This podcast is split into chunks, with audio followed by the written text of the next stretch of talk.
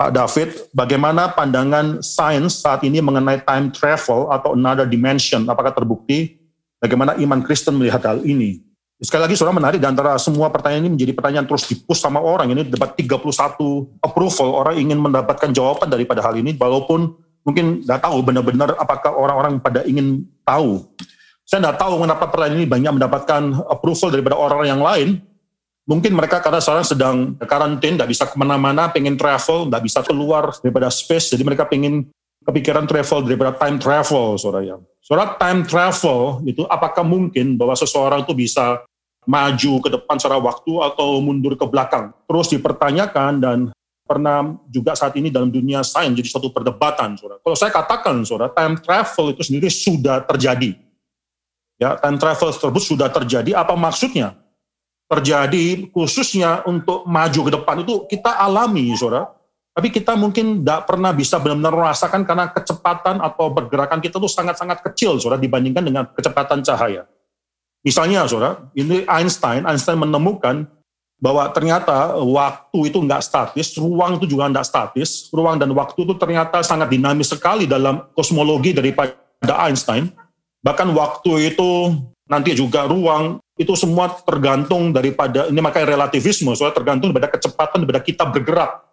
Misalnya, saudara, semakin kita cepat bergerak, itu maka waktunya kita, waktunya kita tuh akan berbeda dengan waktunya orang lain. Waktunya kita tuh akan berbeda ketika kita bergerak mungkin dengan kecepatannya lebih daripada orang lain. Saya kasih contoh yang sederhana. Ketika kita naik pesawat terbang, saudara, itu waktu kita naik pesawat terbang itu kira-kira 920 km per jam, kita travel dengan waktu yang lebih cepat daripada orang yang tinggal di rumah atau yang di bawah yang nggak sedang travel. Kalau mereka travel pun naik mobil cuma mungkin 60 km per jam, tapi pesawat terbang jauh lebih cepat. Maka waktunya kita itu slow down. Saudara. Secara teori waktunya kita itu lebih lambat bergerak daripada waktunya mereka yang bergerak mungkin lebih lambat daripada kita. Semakin kita cepat bergerak, waktunya kita tuh semakin lebih lambat.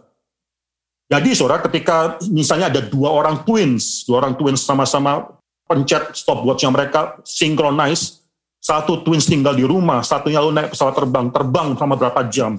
Lalu kembali lagi dan waktu diukur itu ada perbedaan waktu, saudara. Perbedaan waktu menunjukkan bahwa yang sedang terbang itu ternyata lebih lambat waktunya dia. Berarti apa? Ketika dia kembali bertemu dengan twinsnya tersebut, dia akan melihat twinsnya itu lebih tua Seakan dia melihat future daripada twinsnya tersebut.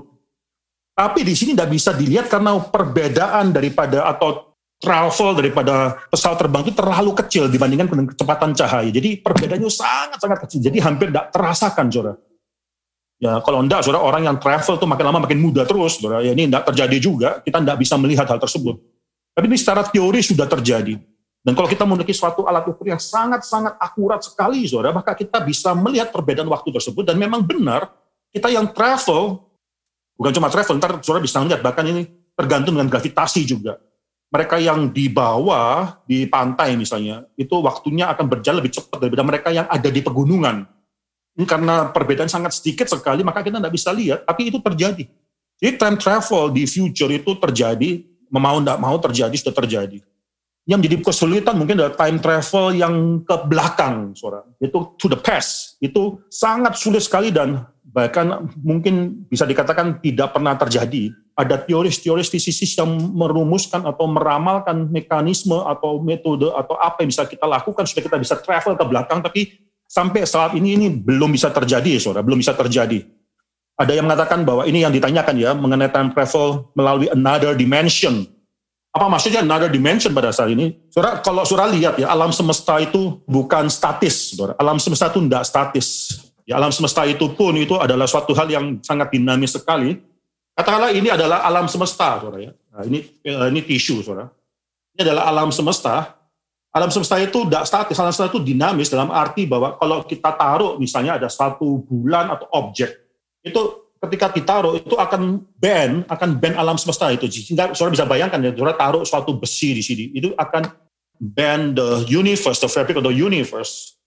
Saudara, apa jadinya kalau ternyata kita ada wormhole, wormhole. Kalau misalnya alam semesta sekali lagi, misalnya di sini, dari sini ke sini mau travel, dari ujung ke ujung, travel yang sangat jauh sekali.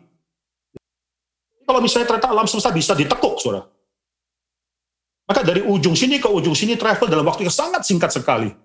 Itu namanya wormhole, saudara. Jadi ada orang yang memberikan suatu teori bahwa time travel bisa terjadi melalui higher dimension. Ketika alam semesta itu terjadi wormhole, sehingga dua lokasi yang tadinya sangat jauh sekali itu akhirnya disatukan sedemikian rupa, sehingga akhirnya orang bisa menyeberang melalui lokasi tersebut, melalui wormhole tersebut.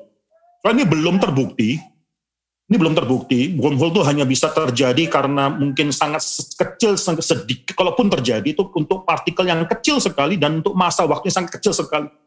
Kalau untuk satu objek demikian besar untuk harus bisa lewat wormhole tersebut itu perlu waktu atau energi yang bisa sustain the wormhole tersebut ini sangat sulit bisa dilakukan. Saudara sampai saat ini tidak pernah terjadi. Keberadaan wormhole pun tidak bisa dibuktikan. Jadi ini masih suatu teori yang tidak bisa dibuktikan mundur ke belakang itu juga menjadi suatu masalah. Ini menjadi suatu masalah ketika kalau kita memikirkan ada namanya grandparents paradox. Bagaimana kalau mundur ke belakang waktu, ke dalam waktu di mana orang tua atau kakeknya saya masih hidup, lalu saya tembak kakek saya, sehingga kakek saya tidak bisa melahirkan papa saya. Kalau papa saya nggak bisa lahir, berarti saya juga tidak lahir. Oh demikian kalau saya tidak lahir, tidak ada yang namanya time travel. Ini paradoks, saudara. Ya kalau saya mundur ke belakang, time travel sudah terjadi lalu tembak kakek saya, maka saya tidak mundur ke belakang. Itu kan satu paradoks. Jadi ini kesulitan-kesulitan. Cuma sebenarnya saya lebih tertarik pada orang yang ingin menanyakan hal ini, khususnya berkaitan dengan teologi. Mengapa kita harus memikirkan hal ini? Bagi saya, ya, suara Alkitab itu sangat jelas sekali bicara mengenai waktu itu linear. Waktu terus bergerak ke depan. Alkitab tidak pernah bicara mengenai waktu itu berulang ke belakang dan sebagainya. Alkitab tidak pernah mengatakan hal ini. Bahkan Alkitab bukan sains, saudara. Yang pertama kali mengatakan bahwa waktu itu linear dari penciptaan sampai pada penghakiman. Itu tidak pernah akhirnya terulang-ulang. Bahkan khususnya kalau saudara lihat dalam inkarnasi Tuhan Yesus Kristus, itu Tuhan Yesus satu kali datang dalam dunia, tidak pernah datang kedua kali. Tidak pernah terjadi proses itu terjadi lagi. Waktu dia akhirnya mati dan sekali itu kematian satu kali saja. Dia bangkit daripada kematian itu juga terjadi satu kali saja. Kalau saudara perhatikan, itu Pentakosta ketika turun, itu satu kali. Pentakosta nggak terjadi berulang-ulang kali. Ini suatu hal yang linear, ini sangat penting sekali, saudara. Ini sangat penting sekali. Ada seorang saintis yang mengatakan bahwa karena waktu itu linear, konsep waktu linear itu membuat akhirnya modern science lahir. Modern science itu tidak lahir di tempat-tempat di mana waktu circular, saudara. Cyclic. India kah, atau mungkin China yang peradaban yang lama kah? Tidak, saudara. Modern science itu lahir di daerah yaitu Eropa Barat yang notabene adalah kultur daripada Kristen Salah satu dampak yang banyak sekali, saudara, kalau bisa dianalisa mengapa modern science itu lahir. Banyak sekali. Salah satu adalah karena konsep waktunya itu adalah linear. Saudara, saya ajak kita membaca satu ayat yang penting dari Ibrani pasal 9. Ibrani pasal 9 yang ke-27, saudara. Sama seperti manusia ditetapkan untuk mati hanya satu kali saja, dan sesudah itu dihakimi. Ini menyatakan bahwa waktunya manusia itu satu kali tidak pernah terulang lagi. Ini buat kita akhirnya bisa bergumul secara serius di hadapan Tuhan mengenai berapa penting waktu yang kuhabiskan ini. Mereka yang memiliki konsep waktu yang linear, tidak pernah terulang-ulang, tidak bisa kembali ke masa lampau, atau akhirnya melakukan satu hal yang lain, meridim dirinya sendiri di masa yang lampau. Justru mereka adalah mereka yang akan hidup koram deo di hadapan Tuhan secara serius, dan di hadapan Tuhan mereka akan hidup di setiap saat bertanggung jawab di hadapan Tuhan.